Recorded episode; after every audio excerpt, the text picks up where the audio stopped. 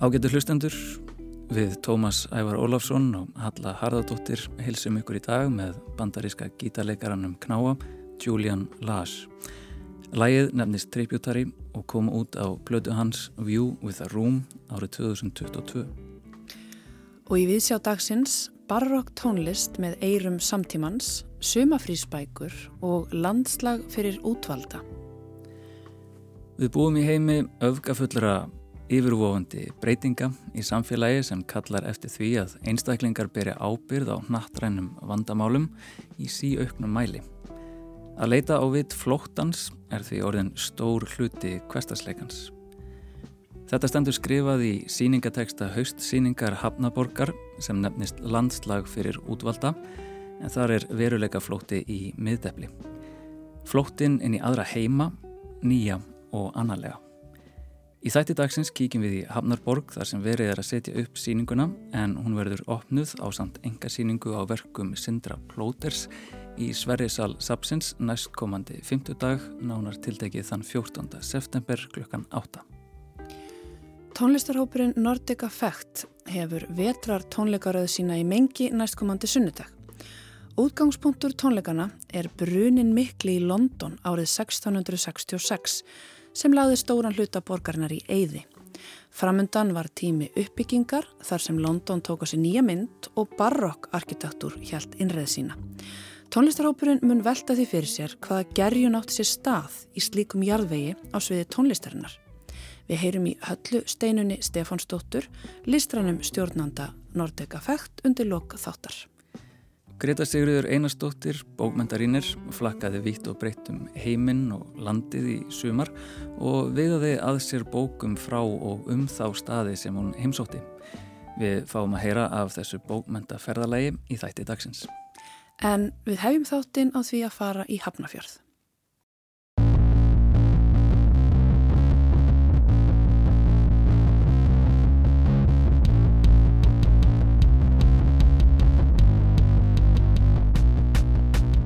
Þetta er verki Ónir og Kritikon eftir Örnub Eð sem er videoverk, tölvleitekna videoverk sem hún gerði fyrir síninguna og er byggt á einhvers konar rannsókn á tekstum eftir mann sem heitir Dr. Helgi Péturs og svona já, veldir fyrir sér uh, hvaðan draumarnir okkar koma og hennum ólíklegustu útskýringum og hérna æfintýralegustu skýringum á því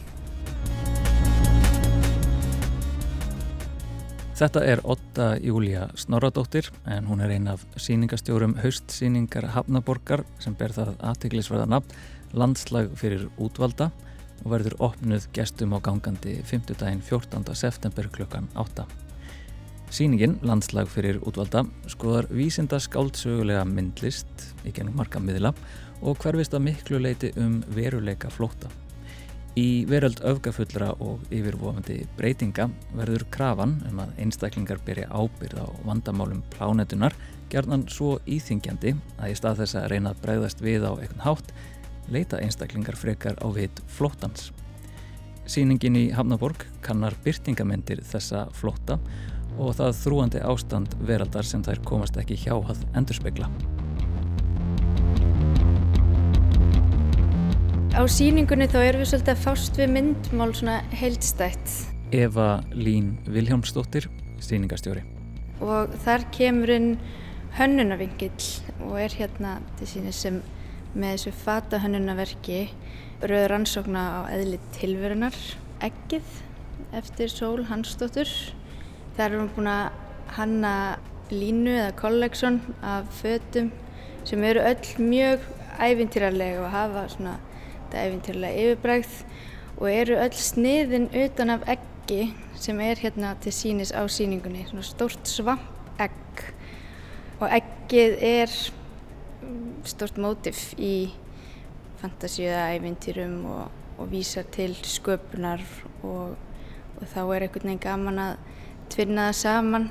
Líka hvernig veruleikaflóttin smitast inn í hverstæðin okkar það er ekki bara eitthvað upp á vegg eða einhvað sem við gerum heima hjá okkur heldur klæðust við honum jafnvel og, og mótum hverstöðin okkar líka út frá honum þannig að það er svolítið það er svolítið önnur eða annar vingill á þetta verkefni.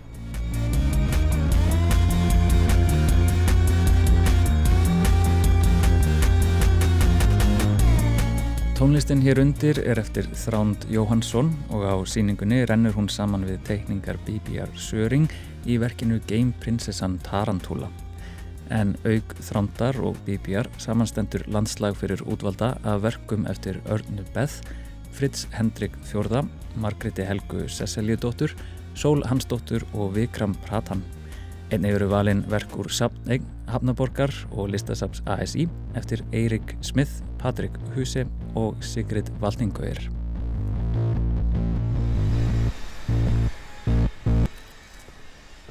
Ég fekk að stinga inn nefnu við uppsetningu síningarinnar og rætti stuttlega við síningastjórana. Eva Lín Viljámsdóttir, Otta Júlia Snorradóttir, velkomnar í Viðsjó. Takk fyrir. Takk. Og ef ég kannski byrja á stóru spurningunni, um, hver er hinn útvaldi sem landslæðið á síningunni er fyrir? Það er kannski svona skálduð persóna sem er ekki endilega til og um, hugmyndin okkar er svolítið svona að snerta á þessu svona langunum og þrám að geta uh, geta haft áhrif á verulegan sem við höfum svo ekkert endilega mikla getur til að hafa áhrif á og þá um allar þessar svona sögur sem við segjum okkur um hinn útalda. Já, við erum svolítið að vísa í kannski svona þekkt minni úr uh, skálskap og æfintýrum og, og svona þar sem er einhver uh, einstaklingur sem hefur alla burði til til að bjarga málunum og svona og vísar kannski líka til þess hversu uh, mikið umhverju sem hann á að bjarga er mótað af einstaklingunum sem á að bjarga því. En uh, hvernig, hvernig byrjar þessi síning að vera til? Byrjum á þér, Eva. Já, við hittum sérstaklega opnun, en við vorum líka að vinna saman á Listasafni Íslands í móttökunni þar, Otta í búðinu og ég í móttökunni. En svo hittist við á opnun og ég segi Otti frá því að mér langaði að gefa út bók um vísnættaskáldskap og myndlist á Íslandi og við ákveðum að sækja um þessa síningu og við erum báðar, höfum mjög mikinn áhuga á um, flotta veruleika flotta um, en líka bara svona kannski á emitt þessum ævintýralega hlið uh, lífsins. Og uh, hvers konar veruleika flotta eru við að sjá á þessari síningu á það? Það eru ymsar gerðir, við erum bæði með mjög klassiska fantasíu, ævintýri og vísindaskálskap. Við erum líka með einhverja skýrskotanir til leikja og kannski drauma mikið, uh, líka stórt þema á síningunni. Svo bara náttúrulega myndlistina sjálfa, kannski má líta á hana sem einhvers konar veruleika flóta, eða allavega einhver, einhvers konar fægurinn á veruleikanum. Og uh, það er verk á síningunni sem heitir Landslag fyrir útvalda og það er eftir Patrik Húse sem er náttúrulega norsku listamæður sem gerði hérna landslagsserju á Íslandi tíma 90 eitthvað, 96 Um, en við sáum sérstaklega þetta verk í sarpunum að það væri til í safnægn hafnafjörðar og okkur fannst það bara svo ótrúlega fallet að við skýrðum síningun eftir því. Já, við höfum svona áhuga á því að skoða svona hvernig landslægið hefur áhrif á okkur og hvernig ímyndulandslög hafa áhrif á okkur og hvernig við höfum áhrif á ímyndulandslög í svona viksluverkunum. Í síningateksta stendur byrtingamindir veruleika flótans eru og hafa verið margbreytilegar en eiga það flesta sammeilegt að endur spekla það ástand sem þeim er ætlað að flýja. Getið ekki mér dæmi um verka þessari síningu sem að sínir þessa endur speklu? Já, til dæmis uh, verkið Kjarnhitti eftir Fritz Hendrik. Þar er hann svolítið að fjalla um svona umhverjusvamna. Uh, það er sem sagt uh, lítilega eftirgerð af húsi sem er svona í niður nýslu og er eiginlega hrjúni komið, byggt á sandi. Um, en innbúðir er voða fínt og, og hérna framhústefnulegt og hérna voða fallegt. Uh, þannig já það er svona endurspeglar einhver, einhver aðstöður sem við erum í og hann er líka með teninga á í, í miklu aðalhlutverki í verkinu og er kannski svona svolítið að veltaði fyrir sér hvað gerist ef við leifum hefninni að stjórna örlugum okkar og uh, Þið minnist ég á að uh, titilverkið er komið úr sapneign uh, Hafnaborgar. Uh, það eru fleiri verk hérna úr sapneign sapsins. Hvernig rötuðu þau inn í síninguna?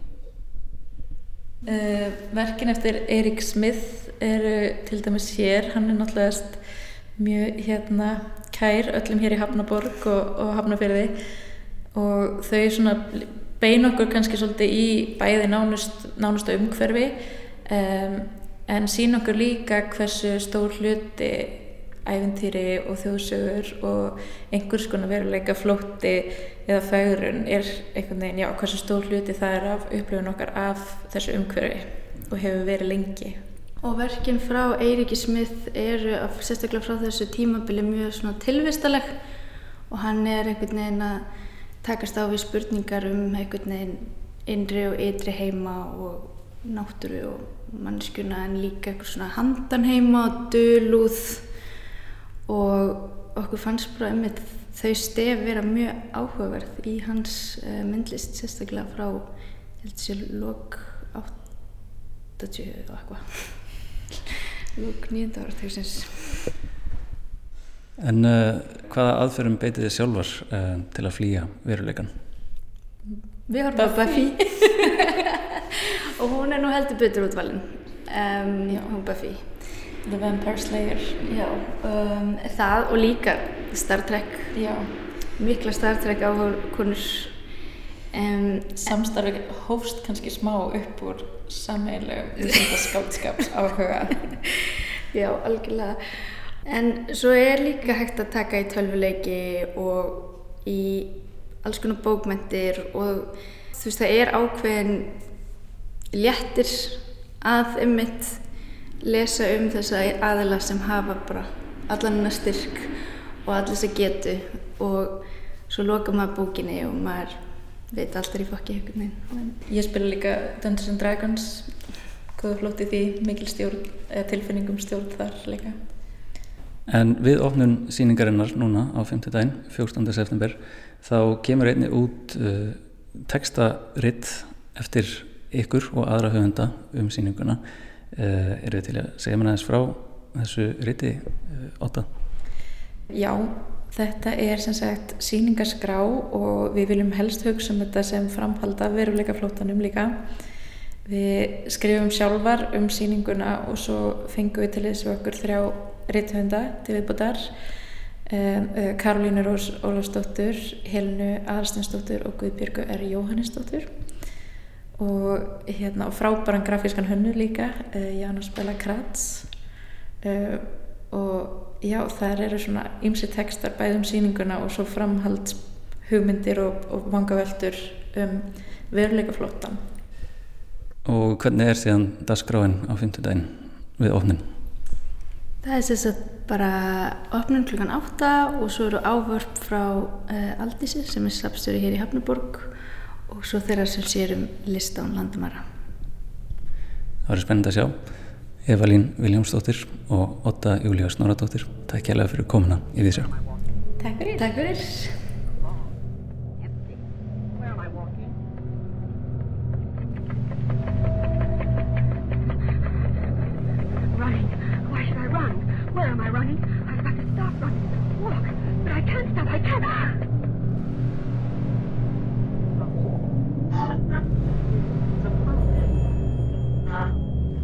Við heyrum hér glefsu úr verkinu Lucidity eftir Vikram Pratan sem verður á síningunni landslag fyrir útvalda í Hafnarborg sem verður opnið að kvöldi 14. septembers næstkomandi á samt enga síningu Sindra Plóters í Sverrisal Sapsins og nefnist Ef ég væri skrimsli.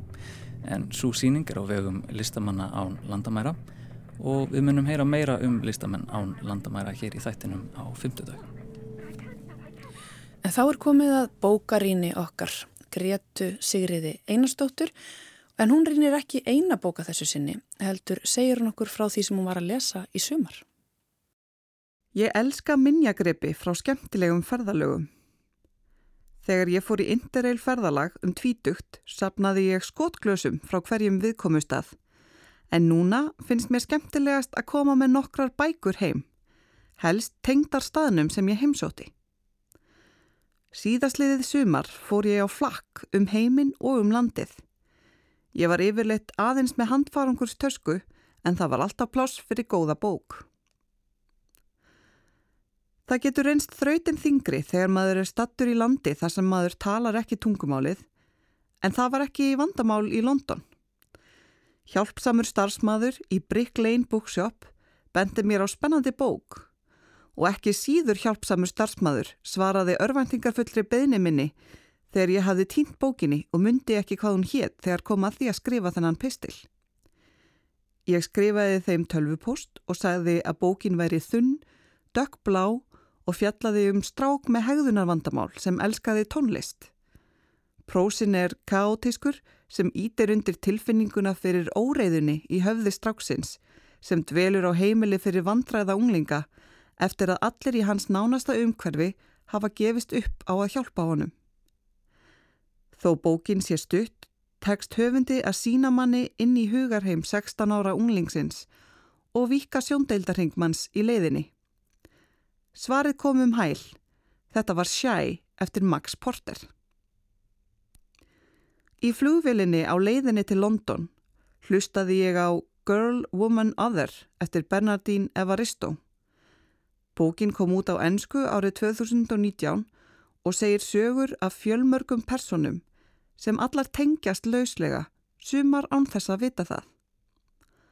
Bókin kom út á íslensku árið 2021 í þýðingu Helgu Sofíu Einarstóttur og hefur verið gefin út víða um heim. Flestar personurnar eru konur, þeldökkar eða hinsegin og það dregur upp aðra og áhrifa meiri mynd af bresku samfélagi en maður sér oft. London er stórmerkileg borg, söðu pottur ólíkra ströyma og fólks af ólíkum uppruna. Staða og stjætt fólks er merkilega áþrefanleg eftir því hvar maður er stattur og sagnasvegur Bernardín Evaristo sínir manni bæði hvað heimurinn er stór en líka hvað hann er agnar lítill. Ég gerði enn viðreist um heiminn í sumarfríinu og næsta stopp var borgin Austin í Texasfylki bandaríkjana með viðkomu í New York. Það var heitt. Allir bílarnir voru risastórir pallbílar, allir dænerar bjóða upp á sætt íste í lítarstórum glösum og hvar sem við fórum var country tónlist í útarpinu. Förinni var heitið á 50. þjóðháttíðardagstónleika Willie Nelson og bókin í flugvelinni í þetta skiptið var Outlaw, Willie, Chris, Waylon and the Renegades of Nashville. Þetta er ekki skáldskapur nema að því leitinni til að country tónlistarmenn eiga það til að íkja sögurnar sem þeir segja. Bókin fjallar um tímabilið í tónlistarsögu country tónlistar þar sem nokkrir vinsalir tónlistamenn gerðu hálfgildings uppreist gegn stífmótuðu formi plötubransans í Nashville og fengu eftir það meiri stjórn yfir eigin tónlist, tekstum, útsetningum og gáttu tekið upp plötur með tónlistarmönnum að eigin vali í stað stúdjóbandsins. Þekktastir þeirra eru Waylon Jennings, Chris Kristofferson og maðurinn sem ég flög halva leiði við nöttin til að sjá, Willie Nelson. Kallin er eldtress þó hans er komin á týraðisaldurinn og á sviðinu stóð sagan ljóslifandi og söng. Í New York lítur allt út eins og í bíómyndunum. Og rétt við Central Park á Madison Avenue stendur bókabúð sem ber nafnið The Corner Bookstore. Það er ekki nákvæmlega nafnið á bókabúðinni sem persona Meg Ryan regur í You've Got Mail en nógu nálagt til að mér leið dálítið eins og í bíómynd. Þar náði ég mér í eintaka af Ages for Hawk eftir Helen MacDonald, bók sem sýstir mín hefur verið að segja mér að lesa í mörg ár. Trust eftir Hernan Díaz, Free Food for Millionaires eftir Min-Jin Lee og Caught eftir Mark Korlansky af því að ég vil ekki slíta mig oflant frá íslenska slórinu. Af þessum bókum er ég bara búin að klára Trust sem kom út í fyrra og vann Pulitzerverlunin. Bókin fjallar um líf auðkýfings á þriðja áratug 20. aldar, verðbref, teninga, glamur lífið allt um kring og konuna hans forveitnilegan karakter sem endar æfi sína á heilsuhæli í Sviss. Bókin var vel að verðlununum komin.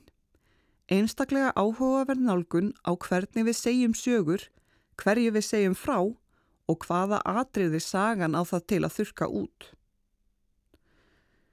Ég er ekki langt komin með skáldsögu Minjin Lee um unga New York búa af kóraskum ættum en mér varð ítrekkað hugsað til hennar meðan ég las Yellowface eftir Rebecca F. Kwang, bók sem vakið hefur mikla aðtekli á samfélagsmiðlinum TikTok.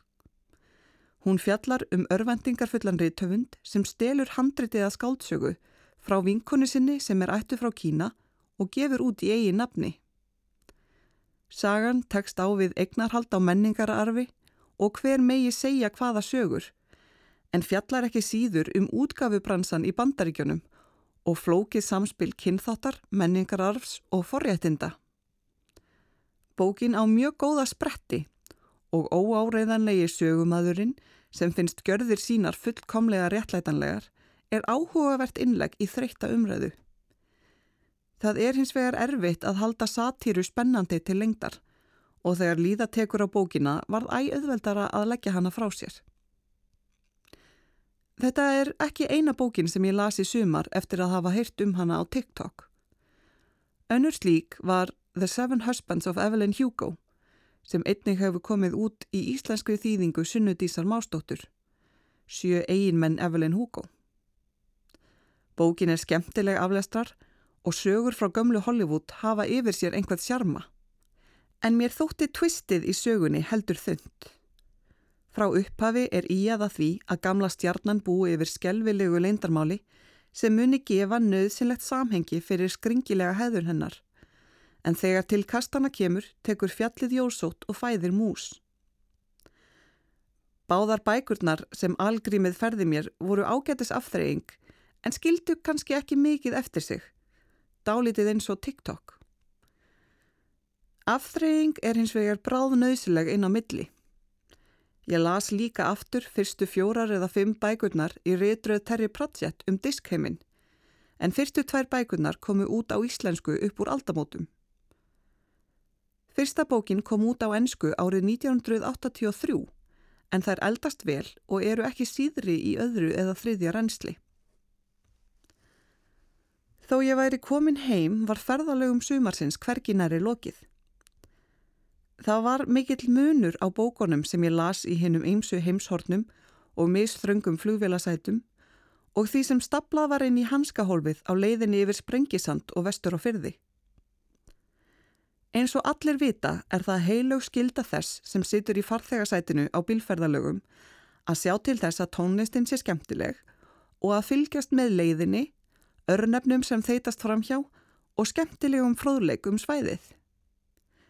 Með í för yfir Hálendið var árbók ferðafélagsins frá 1963 á Sprengisandi. Þó langt sér liðið síðan bókin var skrifuð og ég hafi lítið átt að mig á kennileitum sem gungumenn fyrir 60 árum sáu á ferðsinni var fróðlegt og skemmtilegt að lesa um leiðina.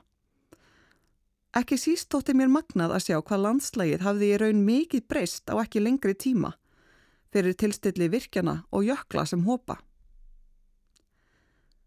Önnur bók sem var með í för í ferðalagi vestur á fyrði var 171 áfangastadur í alfaraleið eftir Pál Ásker Áskersson. Þetta er frábær bók til að hafa með í bílnum og varð til þess að við stoppuðum á nokkrum stöðum sem við hefðum annars brunað grunnlaus framhjá.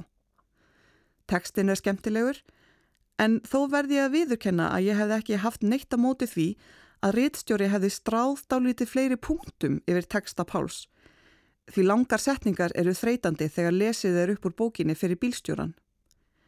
Á stöku stað mátti líka greina að hér er aðkomumadur á ferð, því heimamenn hefðu ekki kallað lundælinga lundareikjadals menn. Með í för voru einnig 25 draugasögur og 25 þjóðsögur sem sapna var saman af Jóni er Hjálmarsinni. Sérstaklega var gaman að lesa söguna um draugin Raspelting þegar við kerðum fram hjá Ringstall í Arnarsfyrði. Fyrir vestan komst ég í feitt í gömlu bókabúðinni á Flateri, þar sem gamlar bækur eru seldar eftir vikt. Meðal dýrgripa þar var brandari breyðvöksnu konunar eftir Faye Weldon, sem best er þekkt fyrir æfi og ástur kvendjöfuls, og matreislubækur frá 1986 með titlum eins og 52 sunnudagsmáltíðir. Þar leynist ímislegt gyrnilegt en líka, því miður, uppskriftir að einhverju eins og kjúklingamauki. Hún byrjar á að sjóða og mauka kjúkling og endar á matarljumi, svo þið getur rétt ímyndað ykkur. Síðast en ekki síst flöyt með útkall úr djúpinu, úr stórsleisa frásagnaflokki Óttar Svinssonar. Þar segir frá mannskaða veðri í Ísafjörðardjúpi sem kom bæði erlendum sjómunum og heimamönnum á óvart og ótrúlegu ferðalagi Harry Eddom, brask skipverja á tógarannum Ross Cleveland. Það er eitthvað við sögur af björgunar afregum og sjóslísum sem er svo grípandi að ég get ekki lagt bókina frá mér. Ég kvæsti meiri segja á kærastan minn þegar hann trublaði mig á viðkvæmum punti í frásögninni til að bjóða mér kaffi. Honum fannst ég ósakjönd þá en nokkrum dögum síðar þegar hann var hálnaður með bókina mátti alls ekki trubla hann við lesturinn heldur. Þegar við komum við hjá foreldrum mínum á leiðinni heim greipum við aðra útkallsbók úr bókaskapnum hjá þeim og gliftum einning í okkur frásögnina af björgunarafreikinu við Látrabjörg. Á ferðalögum Erlendis er hægt að gera ímislegt til að auka við upplifun sína. Margir reyna að forðast ferðamannagildrur og heimsækja frekar staðina sem heimamenn sækja. Oft er líka gaman að vera búin að kynna sér sögu borgarinnar eða landsins sem heimsótt er. Síðustu ár hef ég reynd að leggja það í vana minn að finna mér skáldsögu úr samtímanum til að færa minna er þjóðarsálinni. Þegar ég ferðast innanlands hins vegar, fer ég í þver öfuga átt, sæki í ferðahandbækur og þjóðlegan fróðleik til að átta mig á fólkinu sem byggði landi fyrir mína tíð. Ég vil heyra sögurnar á bakvið örnefnin, fræðast um fólkið sem sagðar hafa verið sögur af og vita hvað gerðist í víkum, fjörðum, dölum og fjálstindum landsins. Þannig ferðast ég með fjallaeyvind Ragnheiði Biskupsdóttur, Raspeltingi og Varskipunu Þór og fær ferðalagið fótfestu í sögunni. Sagði Greta Sigriður Einarsdóttir um lesefni sumasins en hún mun halda áfram hér í viðsjá sem bómyndarínir inn í veturinn. Tónlistarhópurinn Nordic Effect hefur vetrar tónleikaröð sína í mengi næstkomandi sunnudag. Útgangspunktur tónleikana er brunin mikli í London árið 1666 sem lagði stóran hluta borgarinnar í eyði. Framundan var tími uppbyggingar þar sem London tók á sér nýja mynd og barokk arkitektúr helt innreð sína. Tónlistarhópurinn mun velta því fyrir sér hvaða gerjun átti sér stað í slíkum jarðvegi á sviði tónlistarinnar og við sögu kemur tónlist eftir Locke, Purcell og Handel. Meðlimir Nordic Effect eru þær Halla Steinun Stefánsdóttir á fylgu, Mari Stokkmar Becker á víólu, Hanna Loftsdóttir á cello og gömbu og Guðrún Óskarsdóttir á sembal. Halla Steinun er auk þess listrætt stjórnandi hópsins og ég heyrði henni morgun en hún er stödd hinum megin við Allandshafið svo hljóðið gæti verið aðeins betra. En við skulum heyra í höllu og í einslæginu minn líka hljóma tónlist af hljómplötum sem Nordic Effect hefur gefið út í gegnum tíðina. Og við skulum byrja því að heyra lagi fullri lengt áður en að Hallasteinun teku við. Þetta er lagið Rain Damage eftir Valger Sigursson af samnemndri plötu frá 2017 í flutningi Nordic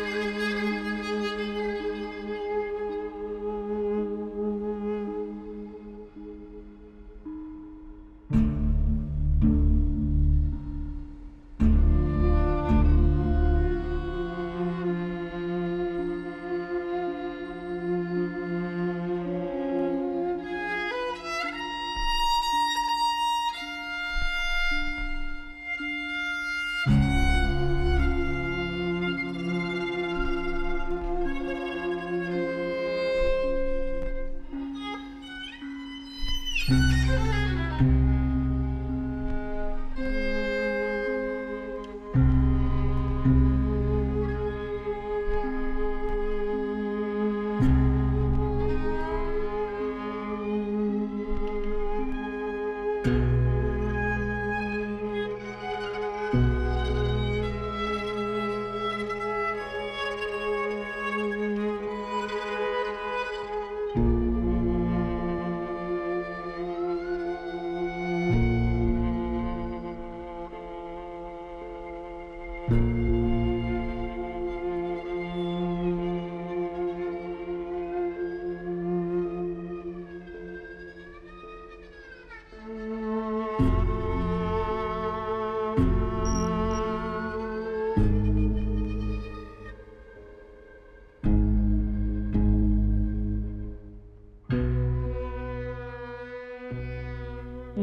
Nordic Affect svona í mínum huga er hópur sem er bara svona búin að vera að þróast jæft og fjætt í gegnum allir þessum ál sem við erum búin að vera starfandi.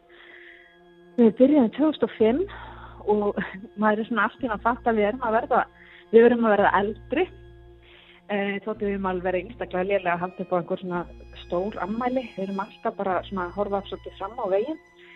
Og við byrjuðum alveg í bláturinn byrjuðum við á því að spila sagt, tónlist frá barokktímanum en síðan hérna, bættist sljótt við að hérna, við byrjuðum að spila verk sagt, sem eru saman í dag, samtíma tónlist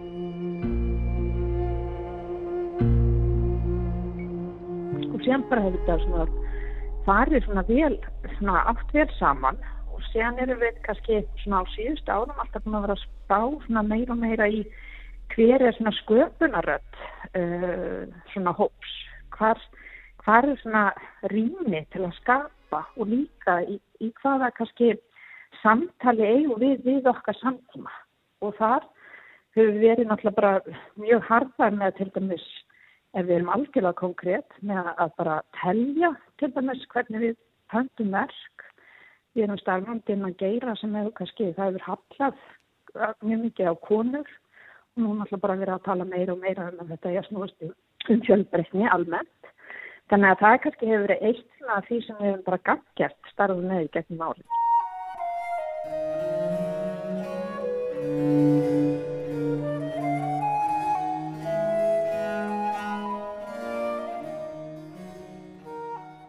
Mér langar að staldra þess við það sem þú segir Halla þetta með sköpunaröttina og hvernig þið hafi viljað finna hana í gegnum það að starfa með öðru fólki. Getur þú sagt mér aðeins betur frá þessu? Hvernig, hvernig þetta ferli var að nálgast þessa sköpunarödd?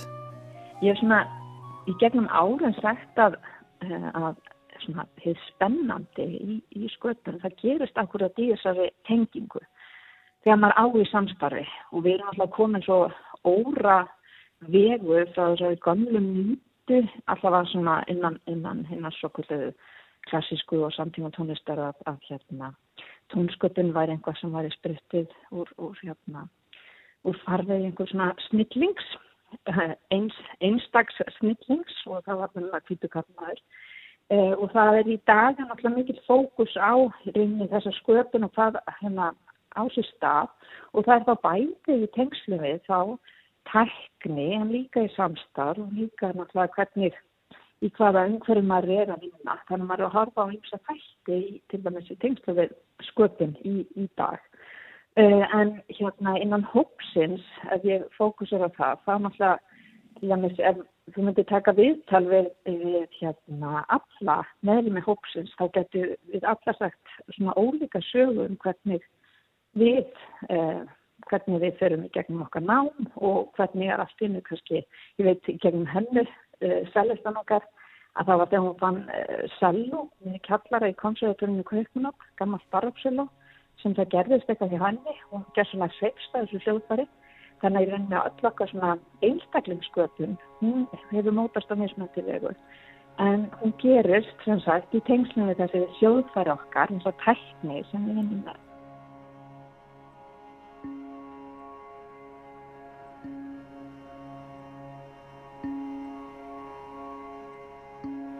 Er einn, einn liður í, í þessari tróni til þess að þróa sig áfram innan hóps, hvernig við spýnum saman.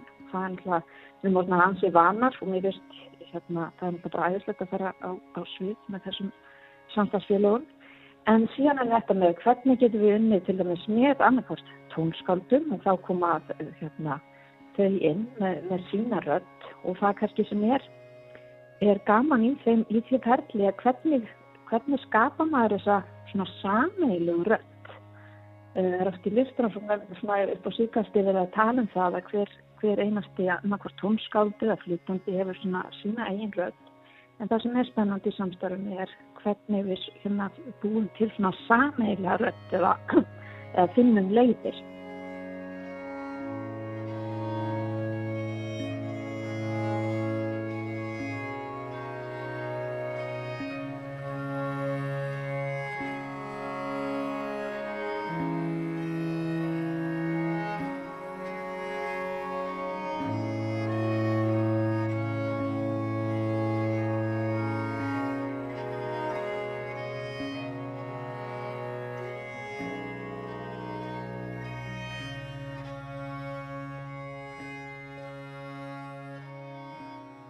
Það er þá oft, tónskap getur verið að skoða og hérna liti og hljóma í hljóðfærinu. Man getur verið þá oft verið að miðla með sér eh, kunnáttu á hljóðfærið. Þetta er tækni sem maður kannski þannig að þróa í gegnum marga áratvíu. Síðan alltaf hefur líka farið yfir í að starfa með á svona ímsa vegu. Við hefum alveg átt í samstæðu við eh, sjónlistafólk og ég náttúrulega við nátt sem kúrator, mann kannski með uppbrot í tónleikahaldi Þannig að þetta getur farið svona í umsáttir og síðan kannski svona kæfti að þá erum við til dæmis að koma uh, nýja plötu í þess. Það hefur verið að starfa með einu fremsta nafni innan uh, svona tónsmýða og flytjanda, uh, manneski sem að líkamnar bæði hlutverk og það er hann Maja Aska Röttke frá Noregi og við fórum inn í ferðalag til dæmis með henni og það er kannski það lengsta sem við hefum farið í nokkur samstarfi með tónskandi.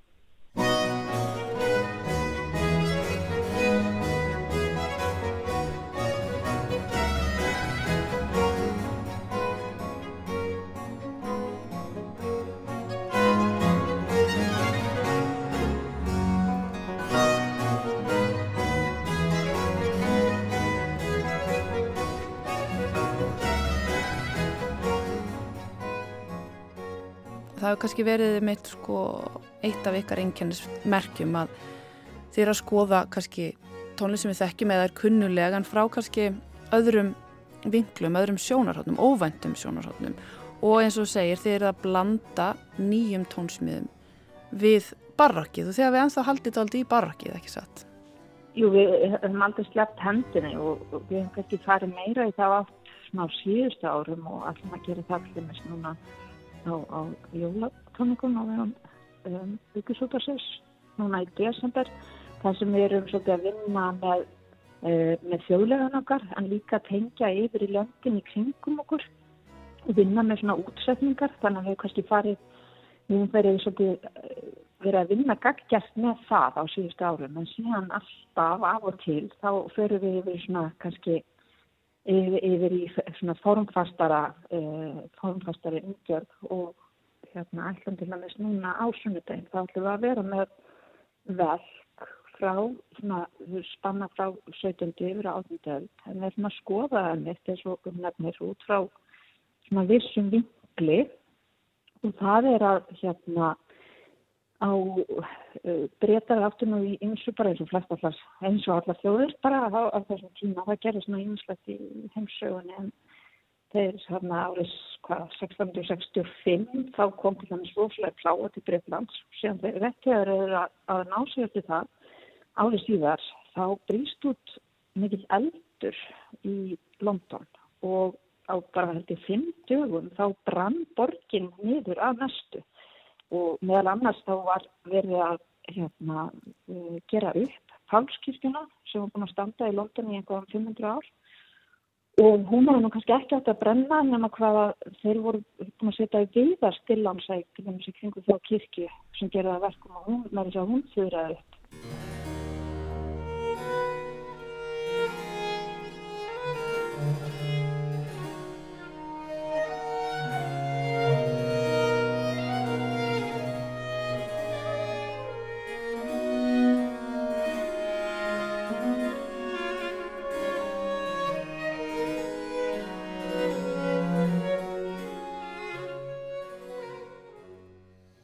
Þannig að svona, þannig að 666 þá bara er, er auðn.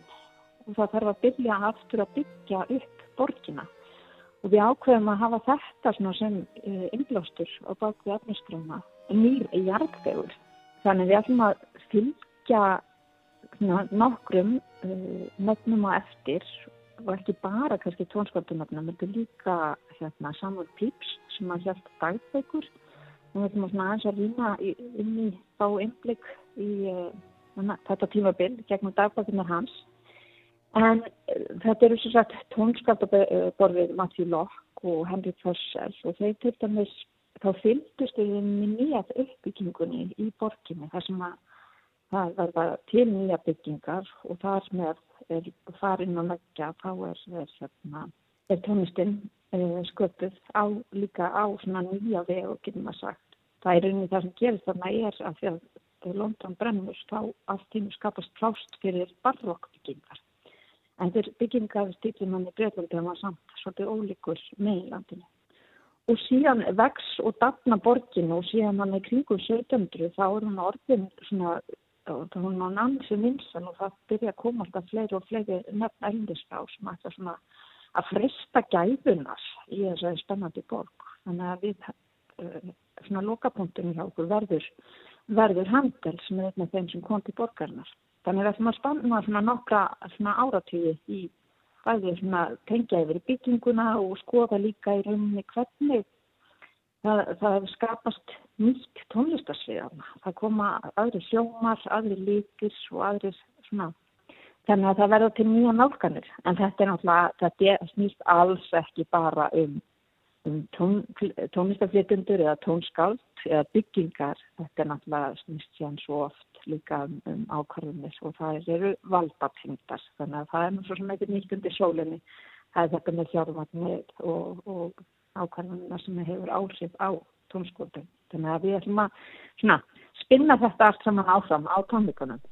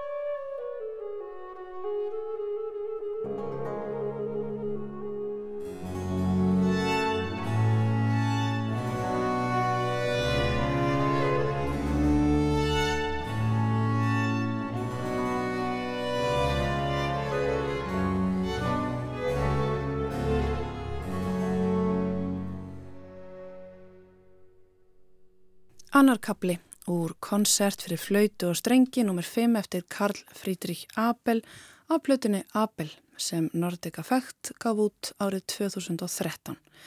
Og það er einmitt barokk sem hann hljóma í mengi á sunnudag þegar hópurinn stýgur þar á stokk. Tónleikanir eru þeir fyrstu af fjórum en hægt er nálgast allar upplýsingar á vefsíðu hópsins nordiceffect.is og svo gaman að geta þess að vonir á nýri plötu frá hópnum en hún kemur út í november og mun heita Rökkur. Og það er hér sem við ljúkum þætti dagsins og við ætlum að gera það með Willi Nelson og læginu Georgia on my mind. Tæknumæður í útsendingu var Martin Martinsson við Tómas Ævar Ólafsson og Halla Harðardóttir þökkum kærlega fyrir okkur. Takk fyrir að hlusta og veriði sæl.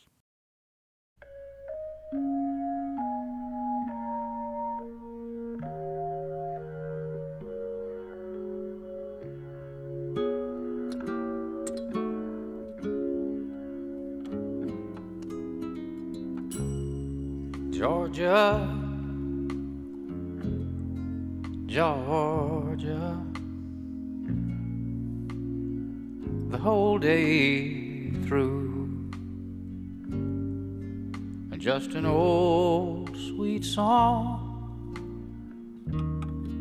keeps Georgia on my mind.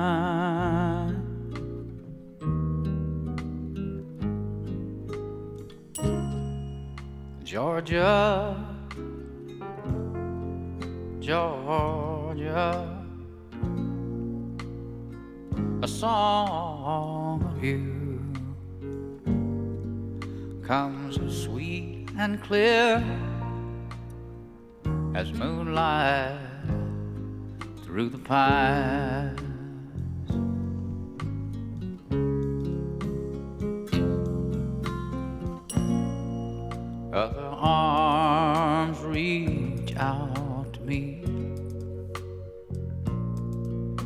Other eyes smile tenderly.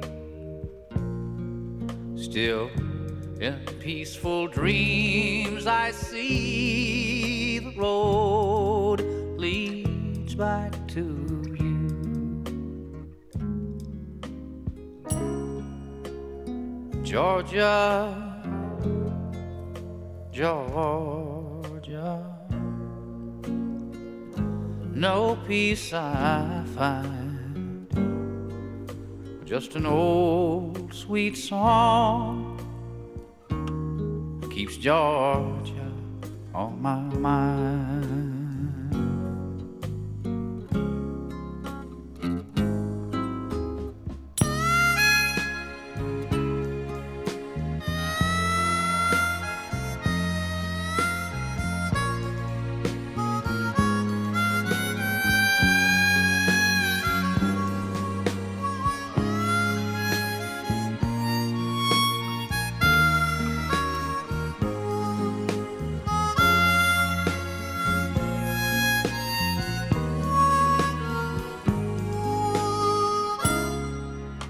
Georgia, Georgia, no peace I find, just an old sweet song keeps Georgia on my mind.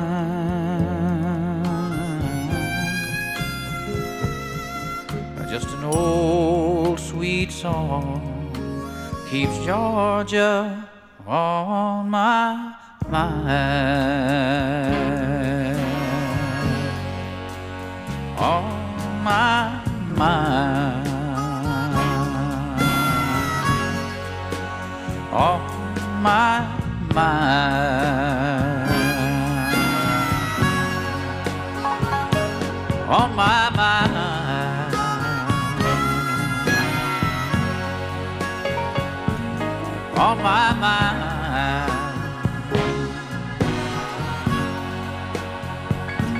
on my mind.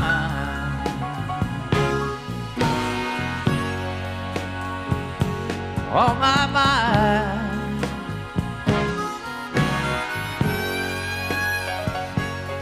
On my mind.